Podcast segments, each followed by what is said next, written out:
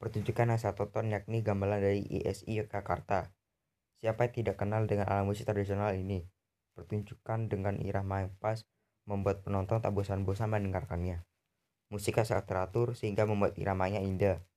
Dengan perpaduan dua alat musik membuatnya semakin tak bosan-bosan penonton untuk menyaksikannya. Iringan biola dan gamelannya pas sekali. Komposisinya sangat rapi.